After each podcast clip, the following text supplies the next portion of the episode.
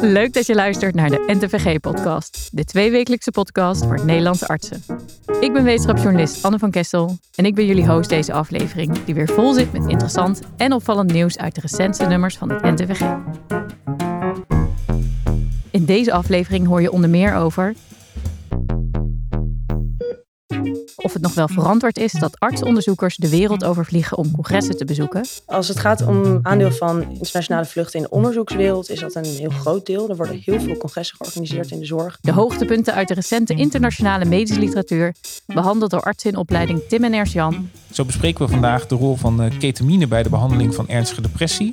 En over voeding die goed is voor onze gezondheid en die van de planeet. Nou ja, je moet je voorstellen dat de landbouw, de voedselproductie, echt verantwoordelijk is voor heel veel van het landgebruik en het watergebruik. We beginnen met de rubriek Wat hoor ik daar? Het spel waarin je de betekenis van geluiden met een geneeskundige link mag raden. Ik ga het geluid laten horen en later deze aflevering hoor je wat het was. Daar komt ie.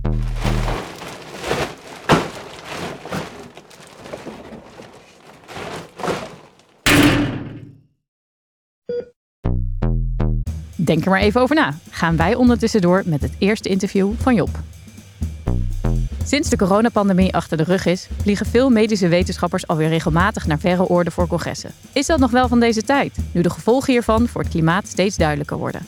Nee, vinden gynaecologen uit het Amsterdam UMC. Ze leggen uit waarom en bieden handvatten voor verandering. Job sprak met eerste auteur Eva Cohen, die promotieonderzoek doet naar het klimaatvriendelijker maken van haar vak, de gynaecologie. Welkom Eva. Dankjewel. We gaan het hebben over vliegen voor congressen. Ben je zelf recent nog een keer bezig vliegen voor je onderzoek? Nee, dat heb ik al een eh, hele tijd niet gedaan. Ik ben nu sinds een jaar bezig met een promotieonderzoek over de impact van zorg op het klimaat en het milieu. En in dat vakgebied worden gelukkig veel congressen virtueel georganiseerd. Dus wordt het mij ook mogelijk gemaakt om uh, congressen online bij te wonen. Wat was de aanleiding voor jullie om dit stuk nu te schrijven? Nou, de interesse in het raakvlak tussen klimaatverandering en de gezondheidszorg komt ook voort uit mijn promotieonderzoek, wat daar dus over gaat. En mijn co-promotor Wouter Heekamp, gynaecoloog in het Amsterdam UMC, ook mede-auteur van het artikel. Je viel het op dat er eigenlijk ontzettend veel nog gevlogen wordt als van ouds door artsen naar congressen. Vonden we dat we daar wat mee moesten. En dan meer dan alleen maar een kort stukje tekst waarin we vingerwijzen, maar echt een discussie uiteenzetten met ook oplossingen.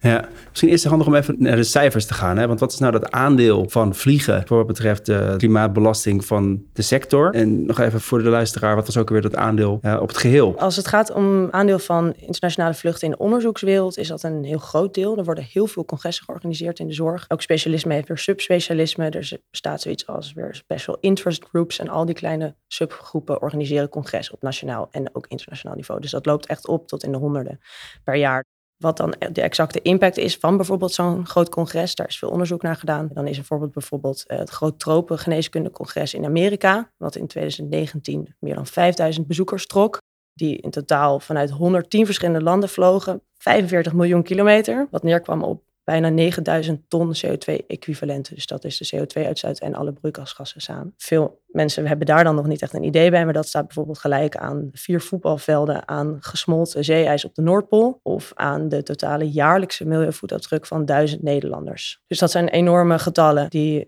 grote druk geven op klimaat en milieu.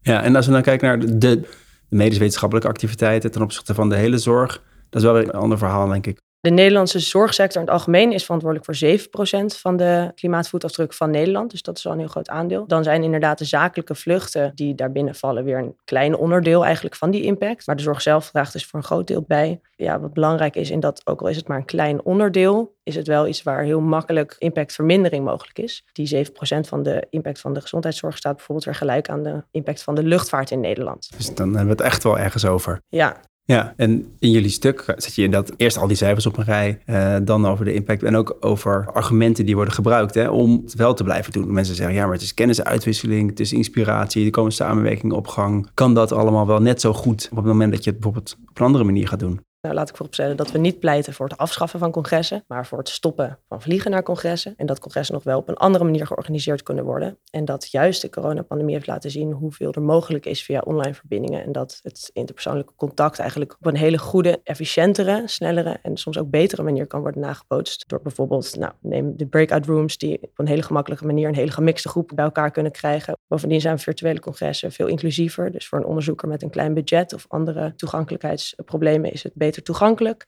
Bedenk bijvoorbeeld congressen die kunnen worden georganiseerd in een soort van sub-hubs, zoals dat wordt genoemd, waarbij je ervoor zorgt dat er geen intercontinentale vluchten meer nodig zijn, maar dat er eigenlijk groepen eh, onderzoekers zich kunnen verzamelen op verschillende plekken en dat je die weer online met elkaar verbindt. Ja, dan maak je al een stap naar alle mogelijke oplossingen. Ja, en voordat ik daar nog verder op in ga, want dat is denk ik heel belangrijk, is het wel nog goed om te noemen dat dus de impact van zo'n virtueel congres echt maar 1% is van de impact van fysieke congressen waar mensen met het vliegtuig naartoe komen. En daarbij is dus ook meegenomen alle data die over en weer gaat tussen de virtuele bezoekers. En het is niet alleen de verantwoordelijkheid van de, de jonge of de actieve arts zelf. Maar ik kan me ook voorstellen dat het helpt als die arts niet alleen zelf denkt: ik ga niet meer. Dan helpt het misschien één arts. Maar ook inderdaad druk te zetten richting anderen richting zo'n raad van bestuur. Heb je daar tips voor? Zeker. Nou ja, het gesprek aangaan met collega's onderling is ook al een hele belangrijke. Op zo'n manier breng je het woord verder en ook uh, tot uh, in de hogere top van de, de, raad van bestuur. Maar ik denk ook dat ja, het gesprek met die beleidsmakers er moet zijn en dat dat vanuit die hoek ook moet worden gefaciliteerd. Een manier om dat te doen is nu bijvoorbeeld in het Amsterdam UMC een campagne Blik op Groen, die ervoor zorgt om juist echt een beetje die soms gevoelde kloof tussen de raad van bestuur, beleidsmakers en juist de intrinsiek gemotiveerde medewerker die eigenlijk wel wat wil, maar soms het idee heeft dat dat niet kan, om die te dichten. En, en dat soort campagnes kunnen daar bijvoorbeeld ontzettend bij helpen, maar ook artikelen en themanummers als Planetary Health van het NTVG helpen daarbij. Dankjewel. Alsjeblieft, graag gedaan en ontzettend leuk dat ik hierover mocht praten. Dankjewel Job en Eva. Het artikel van Cohen en collega's is uiteraard te vinden op ntvg.nl onder podcast. Reageren mag altijd via podcast.ntvg.nl. De warme douche is deze keer voor de CO2-assistent. Ik belde met een van de betrokkenen, Ember ten Buren, geneeskundestudent in Utrecht. Goedemorgen Ember. De warme douche is deze keer voor jou en je medestudenten. Gefeliciteerd. Dankjewel. Goedemorgen. En uh, ja, de warme douche is voor de CO2-assistent. Wat is dat precies? De CO2-assistent, dat is een groep geneeskundestudenten, co-assistenten die zich inzetten om artsen van de toekomst voor te bereiden op de toekomst. En wij pleiten voor de implementatie van planetary health in het curriculum en het verduurzamen van de zorg. En planetary health is een wetenschapsgebied dat stelt dat de gezondheid van de mens afhankelijk is van het ecosysteem waar wij onderdeel van zijn. En we zijn begonnen in Utrecht en daarna uitgebreid naar Amsterdam. En hoe kwamen jullie op dat idee? Ja, enerzijds hoorden we over de gevolgen van de klimaatcrisis. De uitstoot van de gezondheidszorg is enorm en produceert heel veel afval. En daarom is het belangrijk ja, om daar kennis van te hebben, om zo als gezondheidsprofessional zo groen en duurzaam mogelijk te kunnen handelen. En onderzoek van de geneeskundestudent uit 2021 toonde al aan dat 72% van de medestudenten ja, meer onderwijs wil over klimaatverandering en de daarbij horende gezondheidsrisico's. Dus ja, er zijn meer co-assistenten naast de CO2-assistenten die de urgentie van het probleem voelen. Maar ja, gelukkig dus ook meer studenten die zich willen inzetten eh, voor een duurzame toekomst en ja, een gezonder en rechtvaardiger systeem. En hoe zouden jullie het onderwijs dan concreet aan willen passen? Wat verwachten jullie van de universiteiten? Ja, wat we willen is dat er vanaf jaar 1 van de opleiding een kapstok wordt neergezet, waar de basis van planetary health gelegd wordt. En in de daaropvolgende blokken willen we per specialisme dit steeds verder volhangen. Dus bij luchtvervuiling bijvoorbeeld kun je koppelen aan thema's als nou, de longgeneeskunde, bij de geriatrie en ook in de gynaecologie. En wat we willen is focussen op kennis en vaardigheden om het artsenberoep zo duurzaam mogelijk uit te oefenen. En we willen colleges en werkgroepen die dus de gezondheidseffecten van klimaatverandering laten zien, maar ook aandacht vragen voor preventie. Bijvoorbeeld op het gebied van medicijnverspilling en plantaardig eten. En nou ja, zoals gezegd, preventie en leefstijlgeneeskunde zou veel meer aan bod moeten komen in het curriculum. Want de meest duurzame zorg is een zorg die niet geleverd hoeft te worden. Dankjewel, Amber. Graag gedaan. We gaan weer luisteren naar de mannen met het karakteristieke stemgeluid en de strakke analyse en duiding van de mondiale medische literatuur. Host van de House of Podcast, Tim Dekker en Ernst-Jan van het Woud. Heren, wat hebben jullie dit keer gevonden? Ja, dankjewel Anne. Tim en ik die hebben weer een eh, berg aan medische literatuur doorgespit en een eh, aantal leuke artikelen eruit gehaald. Zo bespreken we vandaag de rol van eh, ketamine bij de behandeling van ernstige depressie. We onderzoeken ook of het veilig is om patiënten met staar gelijktijdig aan beide ogen te opereren. En we zullen afsluiten met in ieder geval voor ons nieuwe behandeling van acne. Ja, en om dan te beginnen met de rol van ketamine voor de behandeling van een therapie-resistente depressie. Het gaat om een artikel van Anand en collega's. dat is verschenen in de New England Journal of Medicine. En zoals we wel weten is eh, elektroconvulsietherapie een optie voor deze patiëntengroep. Maar heeft wel bijwerkingen, eh, zowel cognitief als ook, ehm, als ook spierkrampen. Beschikbaarheid kan een probleem zijn, omdat je er ook anesthesie voor moet eh, toedienen natuurlijk. Nu is ketamine bekend als een anestheticum, als een analgeticum. Ook als partydruk natuurlijk, maar het schijnt dus ook uh, antidepressief effecten te hebben, Ernst-Jan. Ja, dat was op zich al eerder bekend, maar uh, nu is er een um, RCT gedaan, een open label uh, gerandomiseerd onderzoek met een non-inferiority karakter om te kijken of ketamine niet onderdoet voor die elektroconvulsietherapie. Patiënten die zijn geïncludeerd, dat zijn patiënten met een therapieresistente depressie die refractair is voor minstens twee eerdere behandelingen. En het mogen geen patiënten zijn met ook psychotische kenmerken, omdat dat kan verergeren door ketamine. Uiteindelijk hebben de onderzoekers 400 patiënten geïncludeerd. Die kregen of ketamine in dan een ja, subanesthetische dosering, wordt dat genoemd, van een half milligram per kilogram twee keer per week. Of elektroconvulsietherapie drie keer per week. En die behandelperiode die duurt vervolgens drie weken. Waarna wordt gekeken of er respons is. En bij de patiënten met respons worden vervolgens uh, zes maanden vervolgd om te kijken hoe duurzaam die respons is. Het is misschien wel goed om te zeggen voordat we doorgaan naar de resultaten, dat het wel een groep was met heel veel ziektelast. En ja. Vaak al meer dan vijf depressieve episodes in de voorgeschiedenis groot deel ook al meer dan twee jaar in de huidige depressieve episode. Ook meer dan een derde van de groep had ook al een, een, ehm, een zelfmoordpoging gedaan in het verleden. Dus echt wel een zwaar aangedane groep. En wat is de uitkomst ervan in deze groep?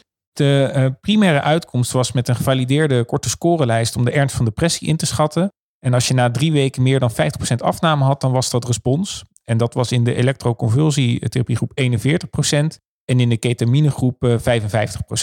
Dat klinkt minstens gelijkwaardig, zelfs misschien wel beter in de ketaminegroep. Maar goed, het is natuurlijk een non-inferiority trial, dus daar kunnen we niet al te veel over zeggen. En, en was dat duurzaam, die respons? Nou, het is, voordat we dat noemen, misschien goed om te zeggen dat een aanzienlijk deel doorging met de behandeling. Ongeveer 35 tot 40 procent had op zes maanden nog uh, steeds gebruik van of de elektroconvulsietherapie of ketamine. En als je kijkt naar de relapse, dan was dat voor meer dan de helft van de patiënten met elektroconvulsietherapie. En bij de ketaminegroep was dat uh, ongeveer een derde. Maar als je kijkt naar secundaire uitkomstmaten, dan was het cognitief functioneren slechter in de elektroconvulsiegroep, met name geheugenproblemen. En qua andere adverse events waren er spierklachten in de elektroconvulsiegroep. Dat was denk ik te verwachten. Maar ook wel meer dissociatieve symptomen in de ketaminegroep. Ja, en dat is wel iets denk ik waar je je zorgen over kan maken bij langdurig ketaminegebruik. Als denk ik ook misschien wel afhankelijkheid is misschien ook wel iets waar we in de toekomst op moeten gaan, uh, gaan letten. Wat ik verder nog wel opvallend vond in de publicatie was dat 35 patiënten die waren gerandomiseerd in de ECT-groep die waren eigenlijk al uitgevallen voordat ze überhaupt één behandeling hadden gekregen. Dus dat, dat, dat zegt denk ik wel iets over wat uh, patiëntenvoorkeur is uh, in dit geval. Dit gaat nu om intraveineuze toediening van ketamine, terwijl overigens in Nederland de nasale toediening van ketamine geregistreerd is. Maar binnenkort um, verschijnt er ook een stand van zaken artikel in het NTVG waarbij hier veel meer over wordt uh, geschreven. Dus houd het in de gaten. Goed Tim, en dan heb jij ook nog eh, je oog laten vallen op een artikel van Spekreizen en collega's over bilaterale cataractoperaties. Jazeker, dat is een hele mooie gerandomiseerde dubbelblinde studie van Nederlandse bodem. En daarin werd gekeken naar patiënten met cataract in beide ogen die daarvoor geopereerd gingen worden. En het doel was het vergelijken van een gelijktijdige staaroperatie, waarbij beide ogen in één sessie werden geopereerd, met opeenvolgende operaties waarbij tussen beide operaties een tussenpauze zat. Nou, de standaard is veelal twee op één volgende operaties. Maar uh, het voordeel van zo'n gelijktijdige operatie aan beide ogen is dat het misschien wel sneller herstel oplevert. En dat de kosten minder zijn. Dus eigenlijk klinkt het wel logisch om dat gewoon in één sessie te doen. Ja, maar dat was niet de standaard. Dus waarom is dat eigenlijk uh, niet zo? Wat zijn potentiële nadelen van in één keer opereren? Het zijn eigenlijk twee nadelen. Eén is een mogelijke endoftalmitis, een hele ernstige infectie aan beide ogen. Nou, als je dat in één operatie aan beide ogen oploopt, dan heb je natuurlijk een groot probleem. En het tweede is, wat de mogelijkheid is met die twee operaties, is dat je de lenssterkte kan aanpassen op basis van het resultaat van het eerste oog. Voor de operatie doe je een berekening wat ongeveer de lenssterkte zou moeten zijn. En soms kan het in de praktijk wat anders uitkomen. Dat wordt ook wel de refractive surprise genoemd. En daar kan je dan in de tweede operatie dan weer rekening mee houden. Dus dat is wel weer een voordeel van in twee eh, sessies opereren. Ja, oké. dus er zit wel verschil tussen de twee uh, methodes. Hoe hebben ze dat nou uitgezocht? Of in één uh, sessie opereren toch gelijkwaardig is aan in twee sessies opereren? De deelnemers werden gerandomiseerd in twee groepen. Er waren 400 patiënten in beide groepen. Dus patiënten werden ofwel direct aan beide ogen geopereerd... of er zat minimaal twee weken tussen beide ingrepen. En het doel was om non-inferiority aan te tonen van de gelijktijdige operatie. En er werd natuurlijk gekeken naar de kosten.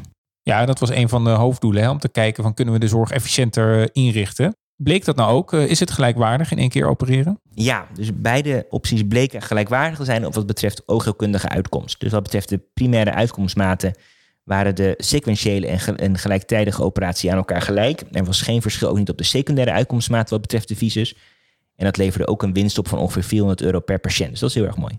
Ja, en nou klinkt 400 euro als niet heel veel, maar er zijn wel heel veel cataractoperaties in Nederland. Dus de onderzoekers schatten dat er misschien wel 27 miljoen te besparen valt eh, per jaar. Mooi ook om te zien dat die uitkomst helemaal gelijk is. En die endoftalmitis, waar men van tevoren misschien voor vreesde, dat kwam helemaal niet voor. Nee, dat kwam helemaal niet voor in deze studie. De auteurs schrijven daarover ook op dat het met de huidige behandeling met antibiotica prophylaxe ook heel erg zeldzaam is.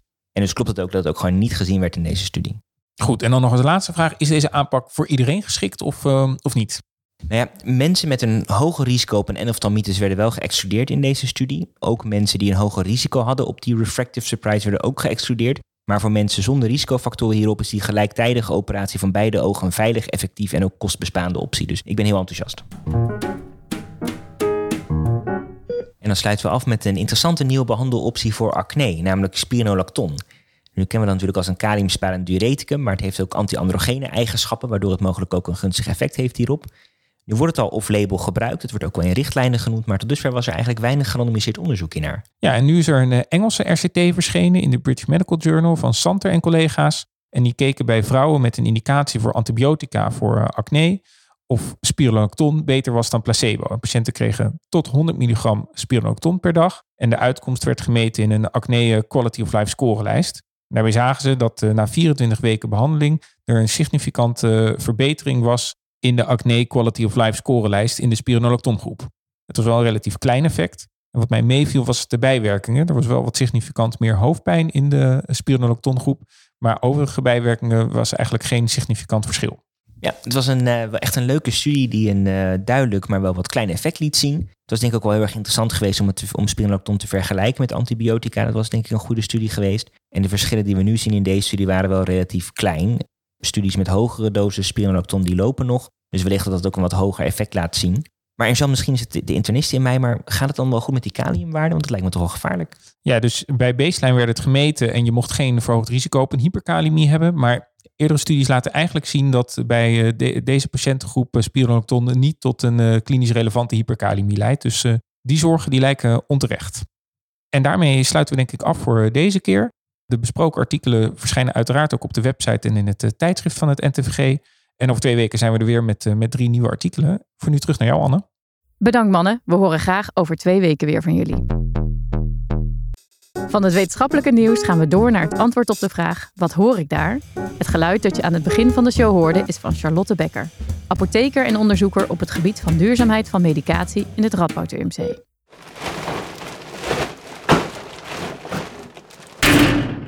Goedemorgen, Charlotte. Hi, goedemorgen. Ja, wat hoorden wij voor een geluid? Jullie hoorden net een afvalton vol met medicijnen. En wat heeft een afvalton met de zorg te maken? Deze afvalton die staat voor alle geneesmiddelen die we jaarlijks in Nederland weggooien. Het zijn geneesmiddelen die patiënten overhouden. En dat is natuurlijk hartstikke zonde. Verspilling van goede producten leidt tot milieuvervuiling en ook nog een stukje financiële verspilling. En hoeveel medicijnen verspillen we dan in Nederland? Jaarlijks verspillen we zo'n 190 ton aan geneesmiddelen. als we er een prijskaartje aanhangen, dan hebben we het over minimaal 100 miljoen euro dat we op jaarbasis weggooien. En hoe komt het dat we zo ontzettend veel weggooien? We gooien zoveel geneesmiddelen weg omdat we eigenlijk nog heel veel voorschrijven. En we zien dat patiënten vaak eerder stoppen met een geneesmiddel. Dat kunnen we niet altijd inschatten. Patiënten krijgen bijvoorbeeld bijwerkingen, stappen over op een ander middel. En het oude middel blijft dan over en belandt in die afvalton. En waardoor komt dan die grote milieu-impact? Die milieu-impact van de geneesmiddelen, dat ontstaat enerzijds al bij de productie. Dat is een heel erg milieuvervuilend proces. En als we het dan uiteindelijk meegeven aan patiënten, zien we dat als het overblijft, het niet altijd goed wordt weggegooid. Dus ofwel direct in het milieu, dus doordat het door de wc wordt gespoeld. Of als het bij ons terugkomt in de apotheek, we ook die afvaltonnen naar de verbrandingsover sturen. En dat leidt ook weer tot CO2-uitstoot. Ja, dan de grote vraag is natuurlijk, wat kunnen we daaraan doen? Nou, wat ik heel graag zou willen zien is dat we met z'n allen iets minder voorschrijven. En we weten ook uit onderzoek dat 40% van die geneesmiddelverspilling te voorkomen is als we voor 1 tot 2 maanden aan medicatie voorschrijven. Want dat wordt nu vaak voor langere perioden gedaan. Ja, patiënten krijgen nu vaak voor drie maanden aan medicatie mee. Zeker in de eerste lijn. En enerzijds is dat heel logisch. Hè? Chronische patiënten die langdurig op een therapie zitten, die kunnen prima met drie maanden uit. Maar dat is niet voor elke patiënt zo. En we kunnen echt met z'n allen ook wel iets minder voorschrijven. En dan zit de uitdaging erin. Voor welke patiënt kunnen we minder voorschrijven en welke patiënten kunnen wel met drie maanden uit. En jij hebt zelf ook onderzoek gedaan naar heruitgifte van medicijnen. Is dat een realistisch alternatief? Zeker is heruitgifte ook een realistisch alternatief. Dan wel met name voor de dure geneesmiddelen. Omdat er ook de financiële verspilling enorm is. En het voor de hele goedkope geneesmiddelen niet om de medicatie retour te nemen in de apotheek. En daar een hele kwaliteitscontrole uit te voeren. Want hoe zit dat wettelijk gezien? Mag het wel? Herretgiften mag nog niet. Dat heeft te maken met EU-wetgeving om te voorkomen dat vervalste producten in de geneesmiddelketen terechtkomen. Wij hebben vanuit het Radboud UMC een onderzoek verricht in vier ziekenhuizen voor orale oncolytica, dus binnen de oncologie, om die overgebleven geneesmiddelen wel opnieuw uit te geven naar een kwaliteitscontrole. Nou, die proef bleek succesvol en nu ben ik hard aan het lobbyen om te zorgen dat we dit toch stapje voor stapje verder kunnen uitbreiden naar andere ziekenhuizen en ik hoop uiteindelijk ook naar andere geneesmiddelgroepen. Dankjewel, Charlotte. Dank je. Het artikel van Charlotte uit 2020 vind je in de show notes en op onze website. Heb je nou ook een geluid dat je graag wil inzenden? Stuur het naar podcast.ntvg.nl en wie weet spreken we jou binnenkort. We zijn bij het tweede diepte-interview van vandaag aangekomen en dat gaat wederom over duurzaamheid. De mondiale voedselproductie is naar schatting verantwoordelijk voor zo'n 30% van de totale uitstoot van broeikasgassen. Om de wereldbevolking in 2050 te kunnen voeden, zal de voedselproductie naar schatting met minimaal 50% moeten toenemen. En dat terwijl klimaatverandering die productie juist onder druk zet. Om de schade zoveel mogelijk te beperken, moeten we inzetten op nutriëntrijke plantaardige voeding, betoogt Edith Veskens. Maar dat is niet het enige. Job sprak met Veskens, hoogleraar wereldwijde voeding aan Wageningen University.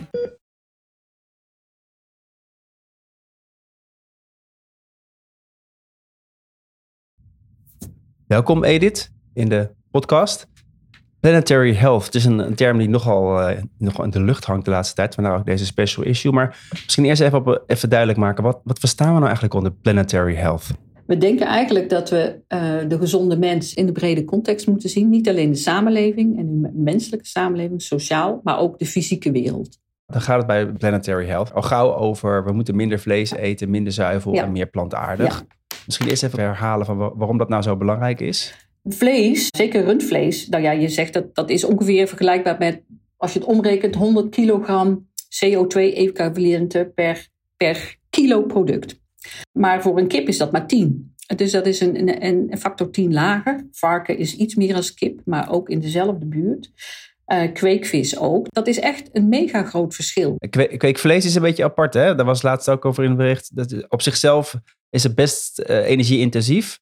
Al scheelt het je natuurlijk wel een hoop land. Het scheelt een hoop landgebruik natuurlijk als je niet... Het scheelt een hoop land. En waar, wat ook wel een kwestie is, als je het nu eh, bekijkt naar het kweekvlees, het is allemaal nog in ontwikkeling, dus het gebruikt nu heel veel energie. En je moet natuurlijk ook nadenken over de voedingsstoffen die in die uh, kweekmediums uh, media moeten.